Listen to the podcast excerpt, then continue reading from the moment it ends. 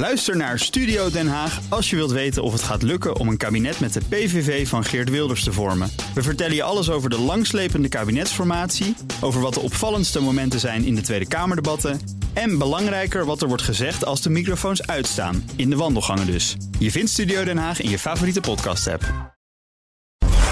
BNS Big Five van innovatie onder druk wordt mede mogelijk gemaakt door Edelman. Het communicatieadviesbureau dat zich specialiseert in vertrouwen.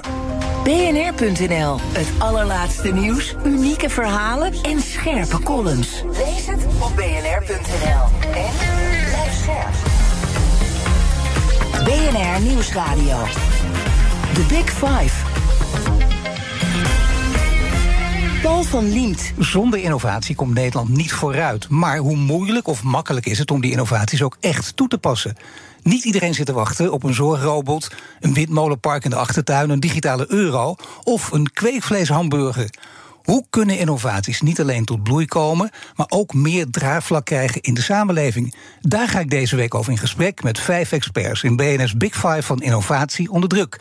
En vandaag is hoogleraar transitiekunde aan de Erasmus Universiteit Rotterdam, Jan Rotmans, bij mij te gast.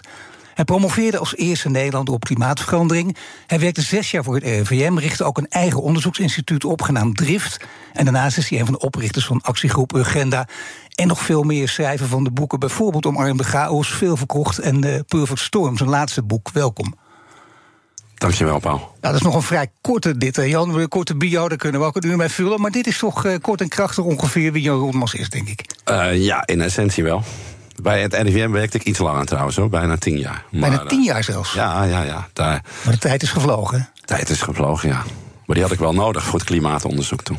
Ja, nou daar komen we zeker nog even op terug, denk ik. En voordat ik het met je ga hebben over uh, maatschappelijk draagvlak bijvoorbeeld... en uh, de stand van de energietransitie, wil ik eerst twee dingen van je weten. En de eerste is, wat is volgens jou de grootste doorbraak van de laatste jaren... als het gaat over energietransitie? Nou, de grootste doorbraak die ik zie is toch wel de doorbraak van zon- en windenergie. Met name zonne-energie. Die wereldwijd zo goedkoop is geworden. En dat gaat razendsnel. En de toepassing ook in Nederland is echt beloftevol. Een kwart van de Nederlandse huishoudens heeft nu zonnepanelen. En toen ik begon was het nog geen half procent. Dat is echt heel mooi om te zien. Ja, dat is wel goed om te zeggen ook, omdat uh, veel jongeren, dat snap je ook, hè, ze lopen hier ook rond, generatie 2030 niet gek dat die somber zijn over de toekomst. Want die horen maar al die apocalyptische verhalen. En jij zegt er is ook nog een andere kant aan die medaille.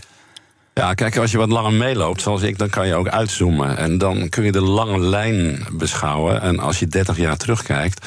En, en dan had ik het over duurzame energie. Dan keken mensen je aan van waar gaat het over? En laat dan eens wat zien in de praktijk. En nu zie je het overal om je heen. Dus ik gun die jongeren ook wel de lange lijn.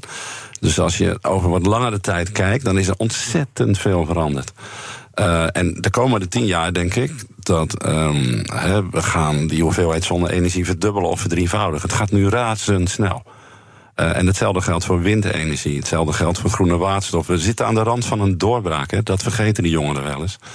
En dan is het misschien een beetje opa verteld. Maar dat, toen ik zo oud was als die jongeren, had ik niet de hoop hè, dat het echt zou doorbreken. Daar moest je echt fantasie voor hebben. Dus het is nu, nu gewoon een hoopvollere tijd dan toen jij jong was? Ja, ik, ik ben liever nu twintig dan toen ik twintig was in de jaren tachtig. Ja, kun je nagaan. En dan ten tweede, je wordt op heel veel manieren omschreven. Ik zei het net al met die bio voor jou, die veel uitgebreider had gekund en gemoeten misschien wel. Je bent hoogleraar, je bent schrijver, je activist wordt je genoemd, wetenschapper ook, transitiegoeroe, die heel vaak. Maar ook linksgevaar en groene draak. ja, het is leuk allemaal. Hè? Hoe zie je jezelf het liefst? Ik, ik schat een beetje groene draak, die vind ik wel mooi. Hè? Ja, dat vind ik wel een mooi compliment. ja. ja.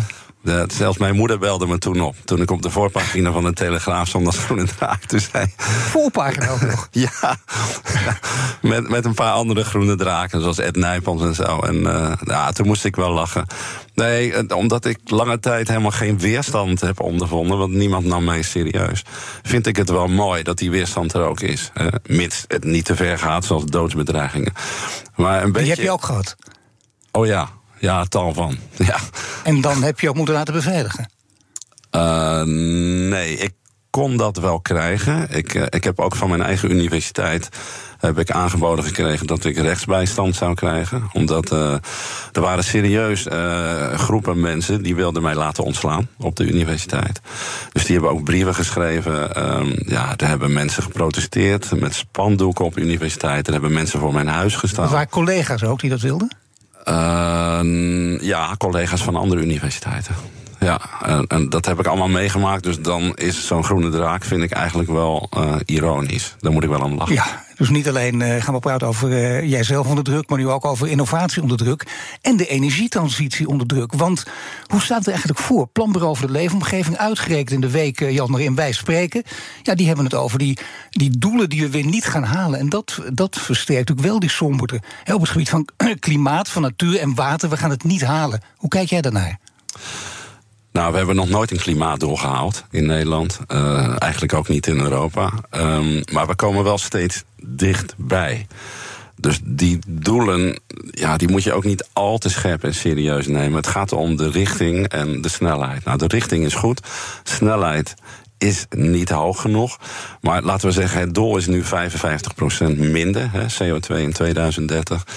We gaan wel in de buurt komen, laten we zeggen 40, 45, 50 procent. Maar we, dan hebben we het over Nederland en Europa. Kijk, Europa, 23 procent van de energie is hernieuwbaar. Dat zijn de laatste cijfers die ik heb. Ja. Een verdubbeling trouwens sinds het begin van deze eeuw, dus dat is heel positief. Ja. En dan roepen sommigen, het is niet genoeg, maar dat kun je altijd roepen om, om druk te zetten. Maar dat is heel wat. Nederland bungelt alleen wel onderaan uh, in die lijst. Met nauwelijks 15 procent. En dat we, weten ook veel mensen niet. Nee, je hoort nog alles in Den Haag, waar ik gisteren ook was, dat we te ver vooruit lopen en de groene gekke, gekkie zijn van Europa. Maar we staan drie na laatste. Toen ik overigens begon bij het NVM stonden we in de top 10. Dus ja, gaandeweg mijn carrière zijn we gezakt. Dus da ja. daar kun je mij ook voor verantwoordelijk houden. Dat maar, zou inderdaad kunnen, ja. Dat is goed om te weten. Dit. Maar we zijn wel aan het inlopen. Hè. Als je kijkt naar wat we nu investeren in wind op zee, in, in zonne-energie, in energieopslag dan denk ik dat we over tien jaar wel weer in de top 10 kunnen staan. Zo snel gaat het nu wel. Uh, alleen we zijn veel te laat begonnen. We zijn te laat begonnen, maar we hebben ook uh, natuurlijk lef nodig. Dat heb je niet voor niks heel vaak gezegd. Lef en moed. En niet zomaar, maar om te innoveren. Want het is altijd een risico. Innovatie kun je hele mooie dingen uitkrijgen, zeker in moeilijke tijden, maar het is een risico. En als je kijkt wat de overheid doet om innovatie te stimuleren. Laatste cijfers van het TNO: 2,3% van het BBP geven, wij uit aan research and development, een onderzoek en ontwikkeling. Terwijl het streven de EU is 3%. En bijvoorbeeld Duitsland, andere omringende landen doen het beter. Hoe komt dat dan? Ja, uh, kruideniersmentaliteit. Dus um, ja, wij willen altijd die uh, financiën op orde hebben. Terwijl als je kijkt wat er nu wordt geïnvesteerd in innovatie, in Azië, bijvoorbeeld buiten Europa. Ja. Dat is onvoorstelbaar. Dat gaat vele malen sneller en harder dan in Europa. Laat staan valt ook in op Nederland. de, de oude wereld, zeg maar uh, Japan, maar ook de nieuwe wereld, Singapore natuurlijk. Ja, in, in, maar ook in Dubai. Hè, Ja. Sowieso in heel China, Zuid-Korea, noem maar op.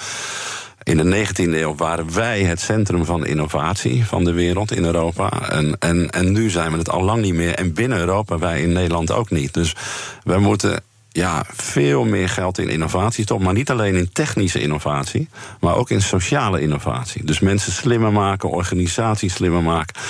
We, we investeren nog iets te veel in de hardware en iets te weinig in de software. En, en die verhouding moet wel veranderen. Driekwart van het succes van innovatie is te danken aan sociale innovatie. Ja, vergeten we ook vaak. Maar uiteindelijk heeft het ook te maken, wat je niet voor, niet voor niets net zei, met die kruideniersmentaliteit. Dan zijn we altijd toch uh, keukenmeester. Kijk, vroeger bouwden we kathedralen. Die zouden nu sneuvelen bij de eerste de beste kosten-batenanalyse. Dus wij moeten ook weer van die iconische kathedralen gaan bouwen. Hè, op het gebied van uh, ja, klimaataanpak, duurzaamheid, maar ook circulariteit. Dus ja, wij, wij zijn bekend geworden als een land dankzij de visionairs, de vergezichten, hè, de schilders, de, maar ook de kunstenaars, de wetenschappers. En de verbeelding moet weer terug. Dat moet achter die innovatie. Hè. Dus we moeten nagedenken over de toekomst van ons land, van Europa, van de wereld. Dat, daar droom ik wel eens van. Dat je denkt. Laten we nou eens honderd mensen nemen die voeding geven aan die verbeelding. Hoe zou Nederland Ja, maar er Nederland is er 100 weer tussen dromen en daad staan wetten in de weg en uh, praktische bezwaren. Dus dan doen we toch weer niks. Nou ja, niks. Dat is, dat is heel Ja, goed, maar we doen wel veel te weinig. De, de dromers moeten en de verbeelders moeten ook weer aan de macht komen. Niet letterlijk, maar die moeten meer ruimte krijgen. Maar zie jij ze dan? Want het is een prachtig betoog. Maar zie jij ze om je heen? Op, op belangrijke posities ook? Dat ze knopen kunnen doorhakken, beslissingen kunnen nemen? Ja, ik zie er heel veel om me heen, maar niet op vitale posities. Dus niet op de posities waar je macht en invloed kan uitoefenen. Daar kiezen we meestal voor saaie mensen die niet te gekke dingen doen. Uh, ja, ik ken heel veel leiders, wat op zich aardige mensen Allemaal zijn. saai. Nou, bijna allemaal wel. Als je dus zeg met al die leiders een feestje gaat vieren, dan denk je van nou, ik wil Dan nou een uurtje weg. naar huis. ja. Ja, dan, eh, dan ben ik meestal degene die het licht uitdoet. maar dan ga je niet swingen op de dansvloer. Maar zou jij het wel kunnen? In zo'n positie? Want ja, als je, je ziet het heel vaak, hè, mensen met geweldige verhalen, maar dan kom je op zo'n positie, moet je beslissingen nemen. Ja, dan sla je toch een ander toontje aan. Nee, ik zou het kunnen. Of ik het zou willen, daar moet ik goed over nadenken. En waar zou je het kunnen? Stel dat jij, dat, als je toch een dromer bent, wat zou dan de ideale positie zijn om echt iets voor elkaar te krijgen? Nou ja, dan, dan moet je toch denken aan ehm, Den Haag, Brussel. Maar je bent net in Den Haag geweest ook. Hè? En ik bedoel, eh, laten we gewoon eerlijk zijn. Je bent een eerlijke man. Zeker als je voor een microfoon praat, dan wil je dat gewoon vertellen. Volgens mij ben jij al gepolst of je minister wil worden. Ehm, Dat hoorden wij tenminste. Nou ja, ik weet niet of ik dat nu. De, de, Nou, ja, waarom niet? Er worden, lijntjes, er worden lijntjes uitgezet. En zou je dat leuk vinden? Leuk niet, denk ik. Ik zou het wel belangrijk Je vinden. zou het wel durven vooral. Het is natuurlijk een hondenbaan. Want je moet ook dingen doen ja, die, die ik helemaal niet leuk vind. Voorpagina Telegraaf, Groene Draak, elke dag. Dat is dan wel weer leuk. Maar, maar dat eindeloze vergaderen in die kleilaag... met al die overlegorganen, dat spreekt me niet aan. Maar in deze tijd van chaos en onrust... kan jij als vakbekwaam minister... daarom pleit ik ook voor een zakenkabinet... of een extra En welke plek is dan het beste voor jou? Kan je het verschil maken? Nou ja, wat ligt er meer voor de hand dan klimaat, energie, milieu, noem maar op. Nou, die hebben we binnen. De Big Five. Paul van Liemt. Mijn gast is Jan Rotmans. Hij is nu nog hoogleraar transitiekunde aan de Erasmus Universiteit. Maar binnenkort is eh, ja, minister van, van Economische Zaken, Klimaat en noem maar op. Jij gaat wel heel het snel, hè, Paul? Nou ja, nee, natuurlijk, gepolst is inderdaad nog maar een begin. Maar toch, het, is, het gaat er wel een beetje ook durft. Want heel veel mensen zeggen, ik doe het niet vanwege die hondenbaan. Maar het is een andere tijd nu. Je hebt niet voor niets ook eh, geschreven...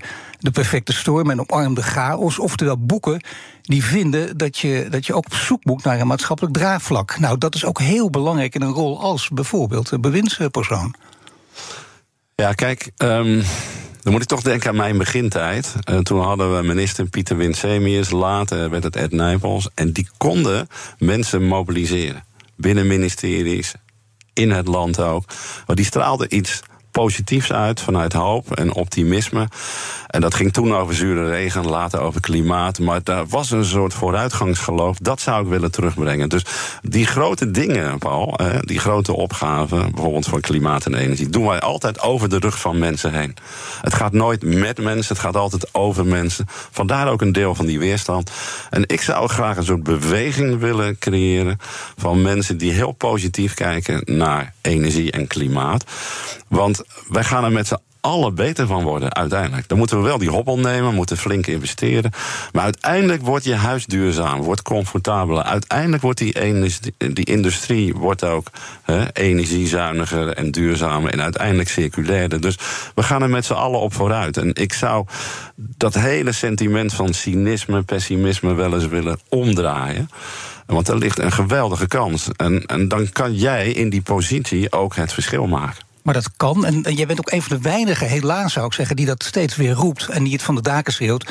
Je moet ook het eerlijke verhaal durven vertellen. Oftewel, af en toe zal de stroom eens uitvallen. Dat kan. Het gaat met hobbels gepaard. En we zien problemen. Je krijgt nu ook weer verhalen over hè, die, die grote wijken met sociale huurders in Amsterdam en Rotterdam. Die dus van eh, inderdaad keurig overgaan. Want daartoe zijn ze gepusht van eh, gas naar warmtenet. Maar wat blijkt nu? De sociale huurders uitgerekend die het eigenlijk niet kunnen opbrengen, moeten nu veel meer betalen voor hun energierekening. Dus ja, dan voelen die mensen zich toch verneukt. En die gaan het rond vertellen. En die denken: zie je wel, we kunnen de overheid niet vertrouwen. We kunnen de energiebedrijven niet vertrouwen. Wat doe je met dat vertrouwen? Nou ja, ehm, vertrouwen komt te voet hè, en gaat te paard. Dus je moet dat wantrouwen wat er nu is, moet je zien om te buigen in vertrouwen. Nou, dan helpt het al als je een eerlijk verhaal vertelt. Eerlijk een verhaal is de komende tien jaar wordt de energierekening fors duurder. Voor iedereen.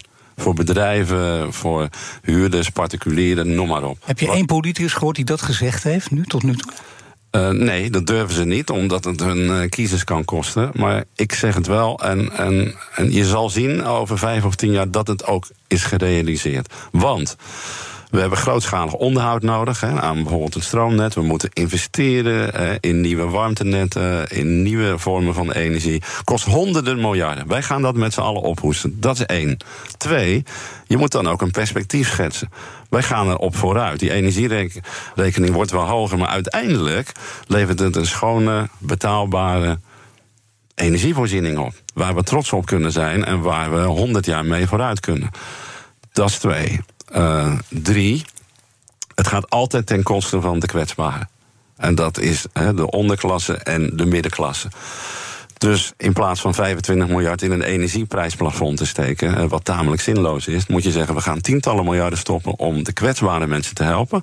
We gaan een grootschalig plan introduceren om de helft van de woningen, en dan met name de energetisch slechte woningen, te isoleren.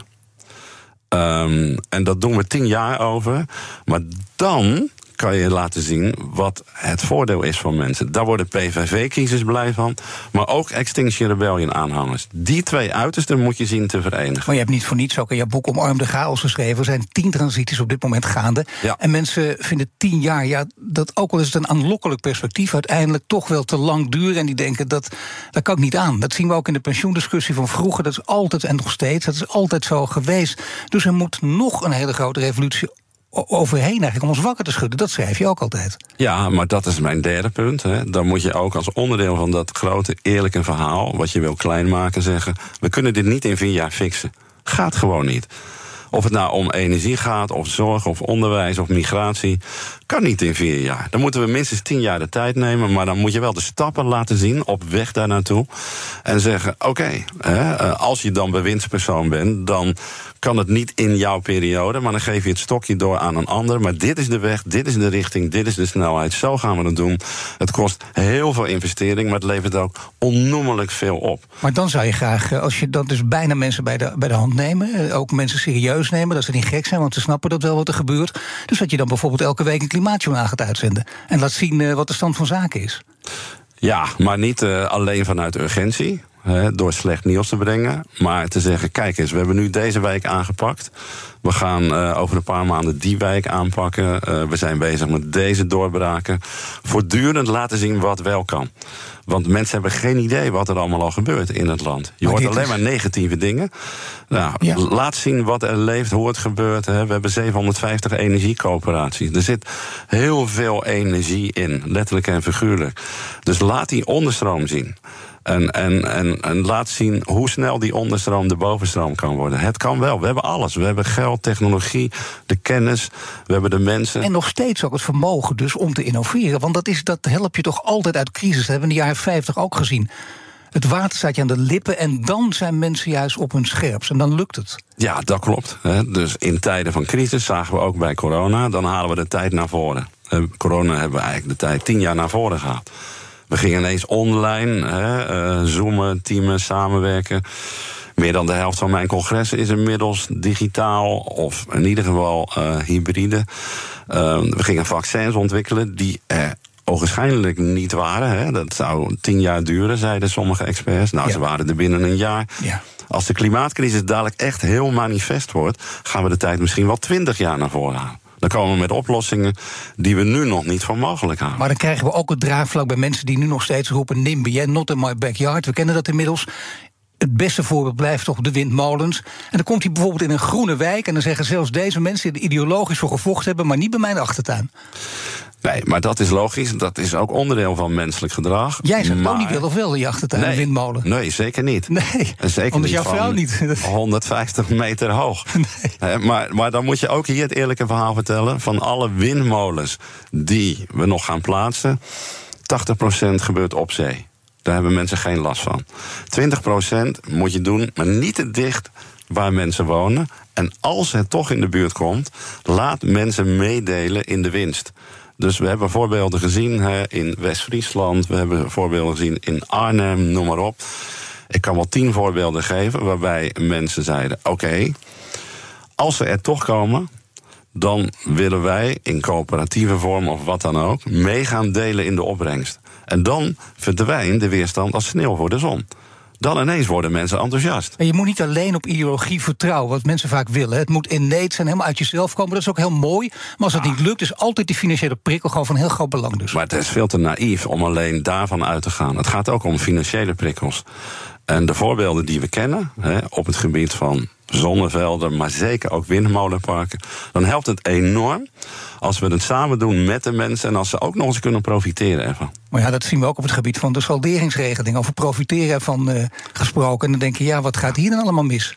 Ja, het is onbegrijpelijk. Zonne-energie blijven subsidiëren terwijl je ook nog daar winst op maakt? Ik heb die discussie gevolgd in de Eerste Kamer en dan val ik bijna van mijn stoel. Die mensen begrijpen echt niet waar het om gaat. Echt niet. Dan, de salderingsregeling was bedoeld als opstartregeling. Ja. En dat zou tijdelijk zijn. Vijf, hooguit tien jaar. We hebben hem nu twintig jaar. Dat is veel te lang. En dat betekent eigenlijk dat de mensen die er niet van hebben kunnen profiteren steeds meer gaan betalen voor de mensen die er wel van konden profiteren.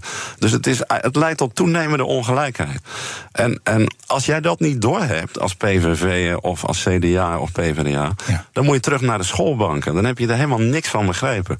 We moeten daarmee stoppen. Want het gaat ten koste van de kwetsbaar. En, en het is zo logisch als wat. Daar, daar hoef je geen Einstein of Kruif voor te zijn. Dus jij moet je schamen als parlementariër als je dat nu nog in stand wil houden. Kijk of jij je ook moet schamen, want het wordt persoonlijk. Namelijk door de kettingvraag. Mijn gasten stellen elkaar vragen via de kettingvraag. En in de vorige aflevering toen was hier Roland van der Vorst. Hij is hoofdinnovatie van de Rabobank. Heeft deze vraag voor jou. Jan, um, je hebt een boek geschreven, Omarm de Chaos. Mijn vraag aan jou is: uh, wanneer heb je voor het laatst zelf de chaos omarmd? En hoe voelde dat? ja. ja. ja. Nou, dat, dat was in coronatijd. Ik weet nog goed dat ik compleet van de leg was. 15 maart 2000, vier jaar geleden. Ik fietste vanuit Rotterdam uh, het centrum naar huis. Ik, ik, ineens was er paniek. Binnen een paar uur moest alles dicht. Om zes uur. En ik zag honderden mensen in de rij staan, jonge mensen. Die stonden voor de coffeeshops. Die wilden nog uh, het laatste wiet en hasje binnenhalen. Um, dus jij denkt ook nog even programma's komen. Dus ik ging ook achter in de rij staan. Maar nee, dat, dat is gekheid. Maar ik denk, wat gebeurt hier nou allemaal? En, en nou ja, de maanden daarna viel bij mij alles weg. Hè. Er waren geen congressen meer. Uh, alles werd gesloten. Universiteiten. Ik denk, huh? En, en ik kon moeilijk slapen. En mijn vrouw zei toen, dat is nou de chaos waar jij het altijd over hebt. Dus die moet je A, omarmen. En B, ermee leren omgaan en dus ook de voordelen ervan zien. En toen dacht ik, ja, ze hebben wel gelijk. Dan schrijf je daar boeken over. En dan komt het dichtbij, je eigen wereld in. En dan raak je in paniek. Uh, wat een natuurlijke reactie is. Dus het kostte mij wel een paar maanden van wandelen, ging weer piano spelen.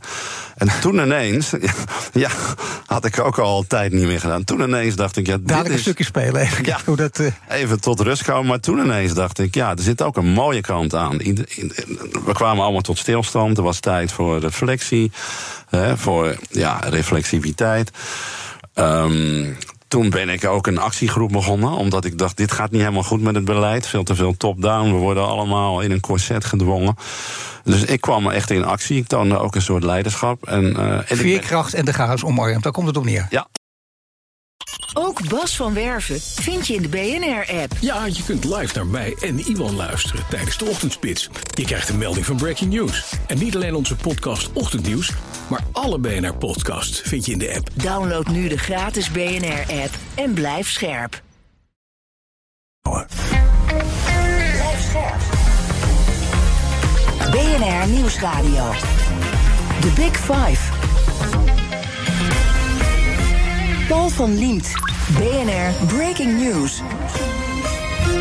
Ridouan Taghi en twee medeverdachten zijn veroordeeld tot levenslang in het Marengo-proces. Als we meer weten, dan zullen we dat straks uiteraard blijven volgen. Er was uh, zes keer de hoogst mogelijke straf geëist en de rechtbank is nog bezig met het voorlezen van het, van het vonnis. De kroongetuige, uh, Nabil, B, kreeg tien jaar cel opgelegd. Hij kreeg strafvermindering uh, in ruil voor de verklaringen die hij heeft afgelegd. Uiteraard meer straks hierover op BNR. En welkom bij het tweede half uur. Deze week vijf kopstukken uit de wereld van innovatie onder druk. Later deze week praat ik nog met Cynthia Liem. Ze is universitair hoofddocent informatica aan de TU Delft over verantwoorde kunstmatige intelligentie. Te gast, hoogleraar transitiekunde Jan Rotmans. Jan, komend half uur wil ik twee onderwerpen met je bespreken. Namelijk de strijd om grondstoffen. En ook welke innovaties precies bepalend zijn voor de energietransitie. En laten we met het laatste beginnen. Want ja, de energievoorziening, we moeten vooruitkijken. Hoe ziet die eruit in 2050? Nou, de energietransitie is veel meer dan het vervangen van kolen, olie en gas door zon, wind en groene waterstof. Dat is substitutie. Uh, het gaat in feite om het opbouwen van een compleet nieuwe energieinfrastructuur. Uh, voor warmte en voor stroom. Nou, een paar voorbeelden. Um, in de toekomst zal je auto verbonden zijn met je huis. Elektrische auto kan als accu fungeren voor je huis en andersom ook via een slimme oplaadpaal. In elke straat zie je dan van die energiedriehoekjes, uitwisseling van stroom in elke buurt zie je dat, elke regio. Dus zo krijg je cascade van uitwisseling van stroom. En ook van warmte. Dat is een heel ander, hè, meer een, laat ik zeggen, een organische manier van energie opwekken en opslaan. Waarbij je op allerlei niveaus verbindingen maakt. Dat is totaal anders dan we nu doen. Dat kost nog wel één à twee generaties, maar dat is de meest logische weg. Dus energie opwekken en opslaan. Voortdurend zoveel mogelijk in afstemming, zo slim mogelijk, zo dicht mogelijk in de buurt. Maar je zegt dat kost twee generaties, dat is een behoorlijk lange periode. Ja. Maar dat is gewoon reëel, dat zou allemaal kunnen. Niet alleen in Nederland, in heel West-Europa. Ja, in heel Europa kan dat. Technisch is het al geen probleem meer. De auto's moeten dan bidirectioneel worden, zoals wij zeggen. Dus die moeten. Bidirectioneel. Ja, ja, die moeten twee kanten op uh, kunnen functioneren. Dus dat je inderdaad uh, met een slimme oplaadbaan moet je een auto op kunnen laden, maar ook leeg kunnen laden. Maar we hebben nou net die berichten gehoord over dat volle stroomnet. En wat gebeurt er dan? Stedin, de, de energiebeheerder, de netbeheerder, die zegt ook: luister even, het net raakt vol. En die komt zelfs al met een ijs bijna. Door te zeggen: tussen vier uur s middags en negen uur s avonds die laadpalen niet gebruiken. Wat vind je daarvan? Nou, ik stond een paar weken geleden voor de top van Stedin. Uh, dat was een spannende sessie. Kijk, um, we hadden dit kunnen zien aankomen. We hebben het zien aankomen. Ik heb ervoor gewaarschuwd, maar ook de, de Wetenschappelijke Raad voor het Regeringsbeleid al in 2006. Hè? Ja. Uh, dus dat wisten we. We zijn te laat begonnen, maar goed. Je kan blijven wijzen, dat is een feit. Gevolg is, we krijgen de komende jaren stroomuitval, blackouts, omdat het stroomnet het niet aan kan. Maar dat is per definitie gebeurd. Dat, uh, hier in Amsterdam is dat bijvoorbeeld een maand geleden twee keer gebeurd.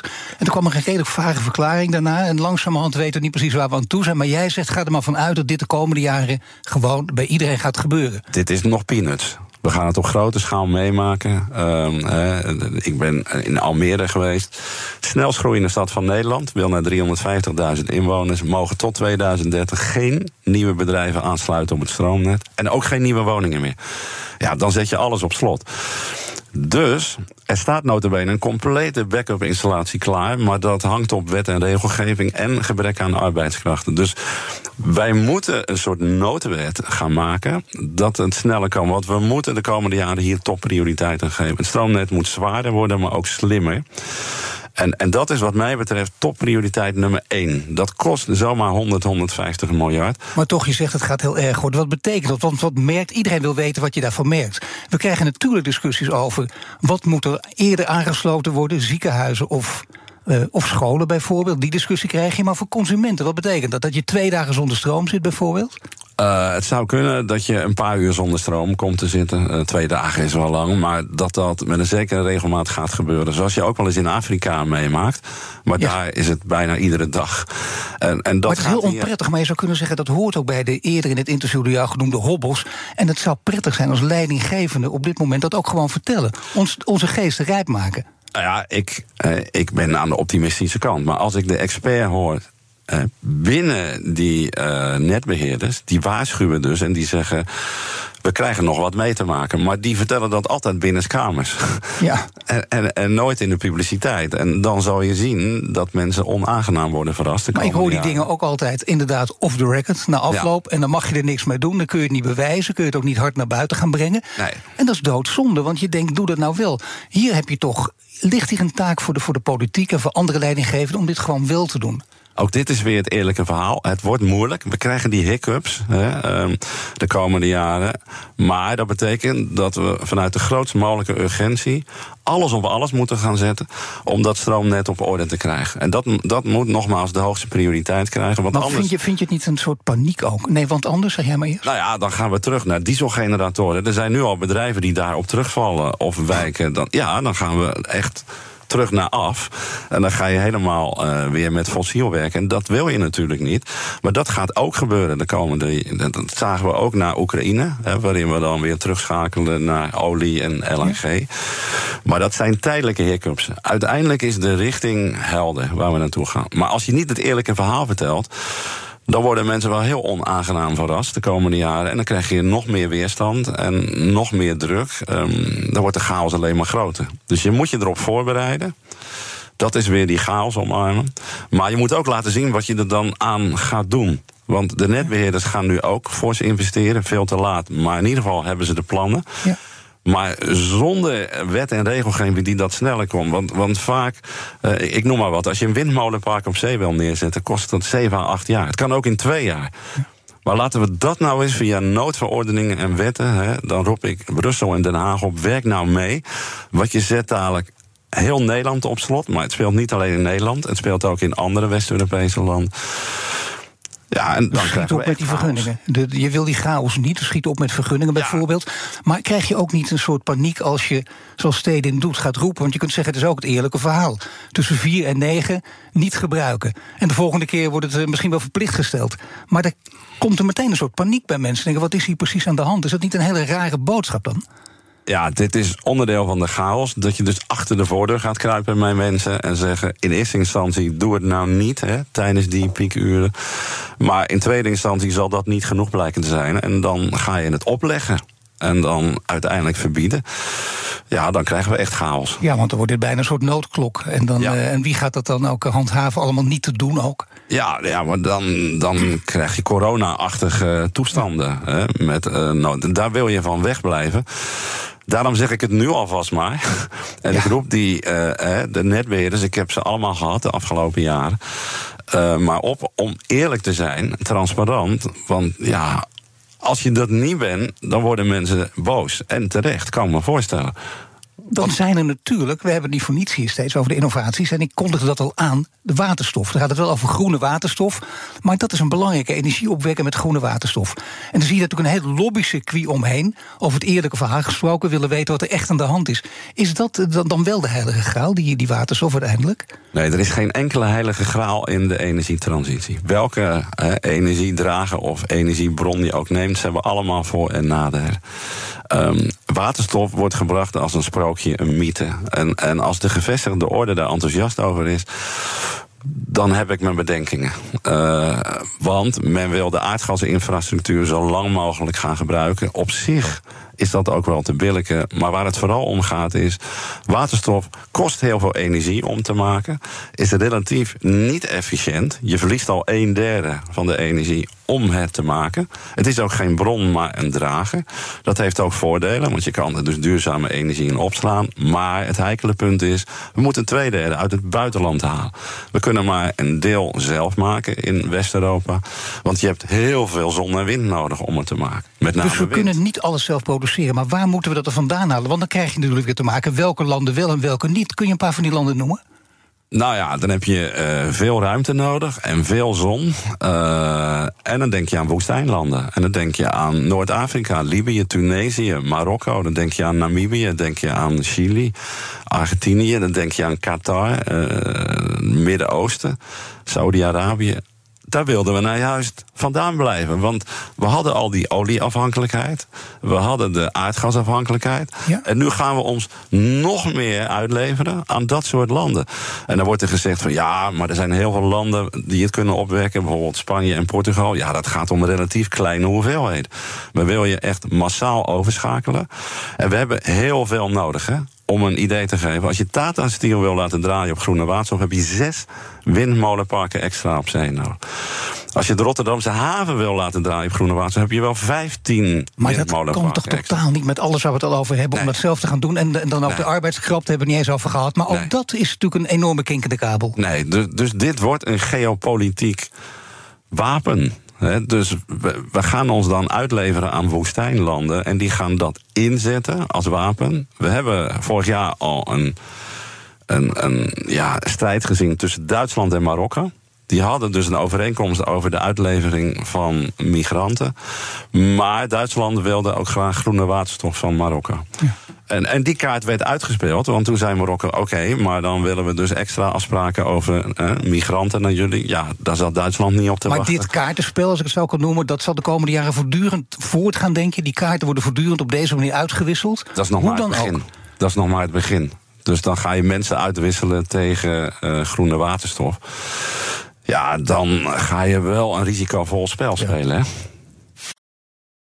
Ook Thomas van Zeil vind je in de BNR-app. Je kunt live naar mij luisteren in Zaken doen. De BNR-app met breaking news, het laatste zakelijke nieuws... en je vindt er alle BNR-podcasts, bijvoorbeeld Het Nieuwe Geld. Download nu de gratis BNR-app en blijf scherp. BNR Nieuwsradio. The Big Five. Paul van Liemt. Je luistert naar BNS Big Five van innovatie onder druk. Later deze week praat ik nog met Sjoukje Heimovaras. Hij is bestuursvoorzitter van Wageningen University Research. En dan gaat het over innovaties in de voedselsector. Mijn gast is Jan Rotmans, hoogleraar transitiekunde aan de Erasmus Universiteit Rotterdam. Ja, nog een heel belangrijk punt. Want innoveren in de energietransitie gaat niet zonder één ding, namelijk grondstoffen je kunt inderdaad bijna weer zeggen, daar heb je ook al heel lang geleden voor gewaarschuwd, hoe belangrijk die zijn. En want uh, lithium, kobalt, en er zijn er nog veel meer. Een aantal van die kritieke uh, grondstoffen zijn ontzettend belangrijk in die energietransitie. Waarom kunnen we niet zonder? Nou, als we willen verduurzamen, dan hebben we heel veel meer van die kritieke grondstoffen nodig. Met name uh, mineralen. Een elektrische auto bevat zes keer meer grondstoffen dan een benzineauto. Uh, dus voor windmolens, accu's, zonnepanelen, mobieltjes, laptops hebben we heel veel kritieke mineralen nodig. En als je kijkt naar de wereldmarkt, dan beheerst China die. En wij hebben decennia lang geen beleid gevoerd. Dus wij waren vooral bezig met klimaatdoelen en verduurzaming, maar niet met circulariteit. Met andere woorden, 90% van die grondstoffen, inclusief die mineralen, gooien wij weg. En dat wordt te duur en te kostbaar. Dus we hebben heel veel meer van die kritieke mineralen nodig. Met name lithium, scandium, neodymium, dysprosium. Klinkt als medicijnen, maar die hebben we nodig voor de windmolens, de, de accu's, de zonnepanelen, noem maar op. Ja, ze zitten ook in je nou, smartphones. Ze kunnen inderdaad niet zonder, ze zitten overal in. Dat betekent wel dat China enorm veel macht heeft. Want we zagen het aankomen, maar in Afrika ook. Of zelfs Australië. Dan denk je, oh, daar kan het open. Dan blijkt die fabriek toch uiteindelijk weer in handen van de Chinezen. Ja, Nee, China heeft zelf veel voorraden, maar beheerst vooral de hele productielijn naar Afrika en Zuid-Amerika. Dus dat betekent, hè, ik ben zelf in Oeganda geweest, en daar kan je Chinees geld pinnen. Dan zie je duizenden Chinezen de wegen aanleggen in ruil voor toegang tot die kritieke mineralen. En, en dan denk ik, zijn we nou echt doof en blind? Dit wordt dus een heel belangrijk thema. Want als we de klimaatdoelen willen halen, hebben we veel meer nodig hè, van die uh, mineralen. En we hebben ze wel. Het is niet zo dat ze schaars zijn, maar ze zijn heel ongelijk verdeeld over de wereld. En ze liggen vaak in gebieden die politiek eh, nogal gevoelig zijn. Ja, ook hier weer, maar alle gebieden zijn gewoon gevoelig. Dan zeg jij, ben jij voorstander van de realpolitiek? Of vind je juist dat je heel erg moet oppassen en dat je keihard moet streven naar strategische autonomie, zoals het dan heet? Nee, want kijk, uiteindelijk, die wereldmachten die gaan zich nu afzetten tegen elkaar. Dus je krijgt een strijd om energie en grondstof. En uiteindelijk is iedereen dan slechter af. Ik ben een voorstander van het coöperatiemodel. Dat je ze gaat uitwisselen, verhandelen op basis van evenwaardigheid. Maar dat kan niet, omdat China nu 95% van die markt beheerst. Nou, het is een kwestie van tijd. Binnen een paar jaar gaat China dat inzetten als geopolitiek wapen. Dat kan bijna niet anders. Als Trump weer aan de macht zou komen, hè, wat God verhoede, en er komt een conflict met China over Taiwan, dan gaat China de export stoppen van die kritieke mineralen en dan ligt een deel van de industrie in Europa plat. Gewoon plat. Als je bijvoorbeeld kijkt naar een windmolen op 100 meter, de hele machinekamer wordt volledig in China gemaakt. Als ze daarmee stoppen, dan kunnen wij ook niet door. En wij zijn daar veel te lang veel te naïef in geweest. En wij moeten grondstoffenbeleid gaan voeren. We moeten Ja, grondstoffenbeleid, maar we moeten ook geopolitiek ander beleid gaan voeren. Dat betekent, eh, we zien overal op congressen, ook in Nederland, natuurlijk allerlei China-experts optreden. Met allemaal eh, verhalen, soms eh, in, laten we zeggen, wetenschappelijke verhalen, soms met een duidelijk belang daarin. Moeten we daar ook minder naïef in worden? Met andere woorden, ons harder opstellen, veel harder tegenover China, of niet? Nou ja, harder, eh, in ieder geval veel duidelijker. Dus je moet zelf beleid ontwikkelen op het gebied van grondstoffen. De grondstoffentransitie krijgt wat mij betreft ook topprioriteit. Is een voorwaarde voor de energietransitie. En maar Jan, ik laat een voorbeeldje noemen. Kijk, wat er zou kunnen gebeuren natuurlijk. Hè. China kijkt wat er gebeurt in Oekraïne. Dat verhaal kennen we inmiddels. Zeker mensen die altijd goed naar ons luisteren, die weten. Taiwan, dat kan de volgende zijn. En China denkt, dit is het moment om toe te slaan. Het zou kunnen dat China zegt, weet je wat, dan maken we gewoon een deal. Laat ons gewoon onze gang gaan. Maar dan delen we met jullie onze grondstoffen. Nou, je moet deals sluiten hè, eh, met China. Maar, Maar zou zo'n deal Afrika, kunnen? Zou zo'n deal ook kunnen? Ja, maar dan moet je wel vanuit eigen krachten opereren. Dus dan moet je zeggen, wij gaan het zelf ook weer hè, delven in Europa. Wat overigens niet kan, hè, want het staat haaks op de milieuwetgeving vanuit Brussel. Maar het moet wel. Maar dan kunnen we hooguit de helft zelf produceren. En die andere helft, ja, dan val je toch terug op China. Maar dan moet je vanuit die kracht en filosofie een deal sluiten. En zeggen: Oké, dit is onze toekomstvisie. We hebben zoveel nodig. Dat gaan we voor een deel zelf doen en voor een deel met jullie. Maar nu maak je je volledig afhankelijk. Je hebt geen onderhandelingspositie nu. En dat is wel heel kwalijk. En Brussel heeft nu het begin van wetgeving. Maar zonder concrete acties en doelen. eh, zoals we op klimaatgebied wel hebben ontwikkeld. En Nederland al helemaal niet. Maar zou je wel milieuwetgeving gewoon moeten openbreken? Omdat je zegt, het kan niet anders om dus bijvoorbeeld mijnen te gaan openen in Ja, Europa? wij moeten de milieuwetgeving tijdelijk parkeren. Om te zeggen, we gaan voor een deel. Hè, want we hebben in, in Lapland hebben we grote hoeveelheden gevonden. Eh, Frankrijk wil een lithiummijn openen. Daar staat de hele milieubeweging op zijn achterste benen, begrijp ik. Maar wat is er erger dan je volledig afhankelijk te maken van China? Dat, dat, dat, nu is het al erg met Rusland geweest, maar dat is nog maar een schijntje in vergelijking met China. Dus je moet vanuit eigen kracht gaan opereren. En dat betekent dat je dingen moet doen waar je later niet trots op zal zijn. En creatieve dingen, innovatieve Creatieve. dingen... waar je ook misschien niet trots op bent op korte termijn... maar misschien op lange termijn wel. Op korte termijn ben je er niet trots op. Op lange termijn zal blijken dat het hard nodig is. Dus ik zou daarvoor willen pleiten om dat open te breken. En te zeggen, we gaan het voor een deel zelf doen. Maar dat kan niet van meer dan de helft. Eh, Zelfs in Zuid-Limburg is lithium gevonden. Maar ja, het kost vaak tien jaar voordat je het kan exploiteren en rendabel kan maken. En dat komt ook weer door al die wet en regelgeving. Dus er, er moeten nu buitengewone dingen gebeuren. Want buitengewone dingen betekent, want je zegt al, de milieubeweging staat op zijn achterste poten. En logisch vanuit de milieubeweging gedacht. En die gaan natuurlijk ook beginnen over wat gebeurt er met de maritieme sector. Want dan krijg ik ook verhalen over mijnbouw op zee. Wat gebeurt er Ja. met de chemische sector? Moeten we die meer gaan omarmen, meer mee gaan samenwerken? Ja, diepzeemijnbouw is een optie. Is ook heel controversieel. Wordt voor gewaarschuwd. Er staan 30 bedrijven klaar om daarmee te beginnen. Inclusief Allseas. een, een, een mooi Nederlands bedrijf. Maar het is ook doodeng. Want waar begin je aan? Je begint op 5, 6 kilometer diep. Die mag gaan knollen op te vegen met grote stofzuigers. We hebben nog geen benul wat we dan aanrichten aan milieuschade. Maar ook daar naderen we het punt dat je het niet kan uitsluiten. En Noorwegen heeft al gezegd, we gaan er onder streng toezicht toch mee beginnen. Is op de vingers getikt vanuit Brussel. Maar we moeten dingen doen die we niet eerder hebben gedaan. En, en eh, ja, het is kiezen tussen twee kwaden. Je, je krijgt de komende jaren een strijd tussen de klimaataanhangers... en de natuur- en milieuaanhangers. Zo, maar die gaan dan voortdurend naar de rechter ook lopen. Ja. Dat heb jij natuurlijk ooit met de agenda ook gedaan. Dus heb je ook klopt. duidelijk gemaakt dat dat een belangrijk middel is. Ja, en, en, eh, en ik sluit niet uit dat je rechtszaken tussen die twee groepen krijgt. De komende jaren. Dat ook zie je nu al een beetje komen. Ja, eh, hè, en als ik dit zeg, word ik ook weer aangevallen vanuit die hoeken. Maakt mij niet uit. Want de- als je de ernst en de urgentie onder ogen ziet, dan zie je dat we dingen moeten doen die haak staan op wat we eigenlijk willen doen. Maar er is geen andere uitweg. We zijn 30 jaar lang naïef geweest. We hebben het weggegeven aan landen zoals China. Dat moeten Natuurlijk, we maar je schetst nu de toekomst waarin inderdaad de rechterlijke macht het ongeveer voor het zeggen gaat krijgen. Dat willen we ook niet. Nee. De trias politica. Het is heel belangrijk dat de politiek dus opstaat. Het blijkt steeds door dit hele verhaal heen dat er mensen komen die die boodschap durven verkondigen. Ja, het hangt op leiderschap, hè. het hangt op lef en moed, het hangt ook op wet en regelgeving. Er staan nog steeds twintig wetten en regels de circulaire economie in de weg. En dat is het belangrijkste antwoord op die grondstoffentransitie. Hè. Dat we die grondstoffen hergebruiken. Dus we moeten naar circulaire zonnepanelen, circulaire windmolens, circulaire accu's. Dat is nog maar 7% van de echte economie. Daar moeten we in investeren. Daar moeten wij koploper in Maar worden waar als zijn dan Nederland. de, de, de grote mannen en vrouwen in het bedrijfsleven die op moeten staan en die hier gewoon een vuist kunnen maken? Of zelfs moeten maken? Want over urgentie gesproken, daar spreken we het nu van. Het, het is nu of nooit, zou je kunnen zeggen. De, de komende tien jaar worden beslissend in dat opzicht.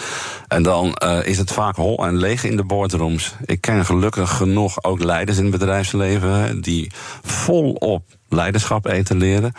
Maar vaak niet in de boardrooms. Want dan gaat het over de waan van de dag. En dan gaat het om overleven. Dat zijn En vaak, toch weer de aandeelhouders natuurlijk. Het oude spel wordt gespeeld daar. Eh, voor een deel wel. Maar mijn indruk is dat ze wel dat een heel groot deel, mensen denken van niet, maar dat een heel groot deel van die mensen in de boardrooms gewoon heel goed weet wat er aan de hand is.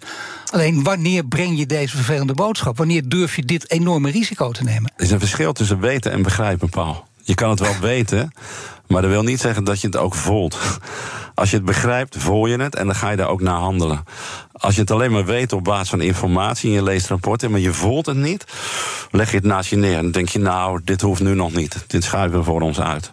Dus ik ben een groot voorstander van dat doorleven van de urgentie. En vanuit dat diepere gevoel van urgentie ga je er wel naar handelen. En gelukkig zie ik steeds meer leiders die dat ook echt doorleven en voelen. En daar ligt de echte oplossing. Nou ja, hoofd, hart, buik. Ik bedoel, die boodschap wordt wel verkondigd op allerlei leiderschapscursussen. Ja, het is hè, spiritueel, daar ben ik zelf ook naar op zoek. Eh, zonder nou heel zacht eh, te worden in de zin van dat het zweverig wordt. Maar daar zit wel de essentie. Kijk, als je één keer op de Noordpool bent geweest, zoals ik, op de Zuidpool. Dat is bijna een spirituele ervaring. Dat vergeet je nooit meer. Dat draag je de rest van je leven bij. Dan ga je er ook naar handelen. Dan kan je nooit meer zonder impact handelen. Dat kan niet. Want je voelt je dan één met de natuur en de aarde. Dat, dat, eh, dat hadden de Wubbo-okkels van hè, eh, hun tijd ook. En, eh, en, en hoe heet die? André Kuipers. Dus je, je voelt dan de kracht van het universum en dat je daarmee verbonden bent. Al die vragen van mij, al die antwoorden van jou, nu een vraag van jou. Want mijn gasten stellen elkaar vragen via de kettingvraag. Je mag een korte, bondige vraag stellen aan Inge van Dijk, divisiedirecteur betalingsverkeer bij de Nederlandse Bank. Wat wil je haar vragen? Ja, ik ken haar niet persoonlijk. Ik heb haar gegoogeld. Ik, ik kwam veel over haar tegen. Maar niet over wat haar persoonlijke drijfveren zijn. En ook niet wat zij nou vindt of de DNB nou wel genoeg doet om die transities aan te pakken, zoals de klimaattransitie. Want eh, waar schuurt het nou? Waar, waar, voelt zij nou ook de urgentie of niet? Dat, dat heb ik niet kunnen ontdekken. Dus, dus ben je nou echt impactgedreven bezig? Of ben je nou bezig met het digitaliseren van het geldsysteem als doel op zich? Ik dank je, Jan Rotmans, hoogleraar transitiekunde aan de Erasmus Universiteit Rotterdam. Alle afleveringen van BNS Big Five zijn natuurlijk terug te luisteren. Abonneer je op onze podcast via onze app of je favoriete podcastkanaal om geen aflevering te missen. En nu BNS Zaken doen met Meindert Schut. Dag. BNS Big Five van innovatie onder druk wordt mede mogelijk gemaakt door Edelman. Het communicatieadviesbureau dat zich specialiseert in vertrouwen. Ook Harm Edens vind je in de BNR-app. Je kunt BNR Duurzaam niet alleen live luisteren in de app, maar ook terugluisteren als podcast, zoals al onze podcasts. En naast dat de BNR-app Breaking News meldt, houden we je ook op de hoogte van het laatste zakelijke nieuws. Download nu de gratis BNR-app en blijf scherp.